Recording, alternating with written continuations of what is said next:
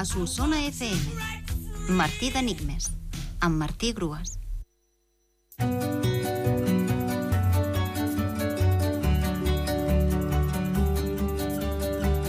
L'enigma de dilluns era garantia per menjar l'hamburguesa de pollastre, de 8 lletres, i la resposta era carnaval.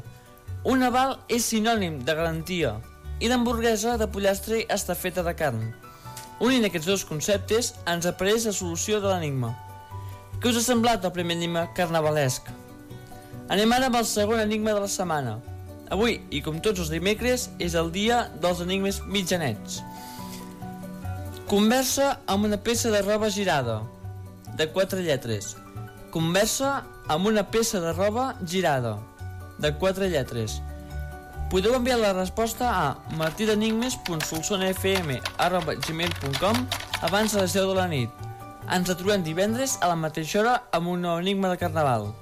Ànims als participants. Espero que el Carnestoltes d'enguany jugui també amb nosaltres. I molta sort!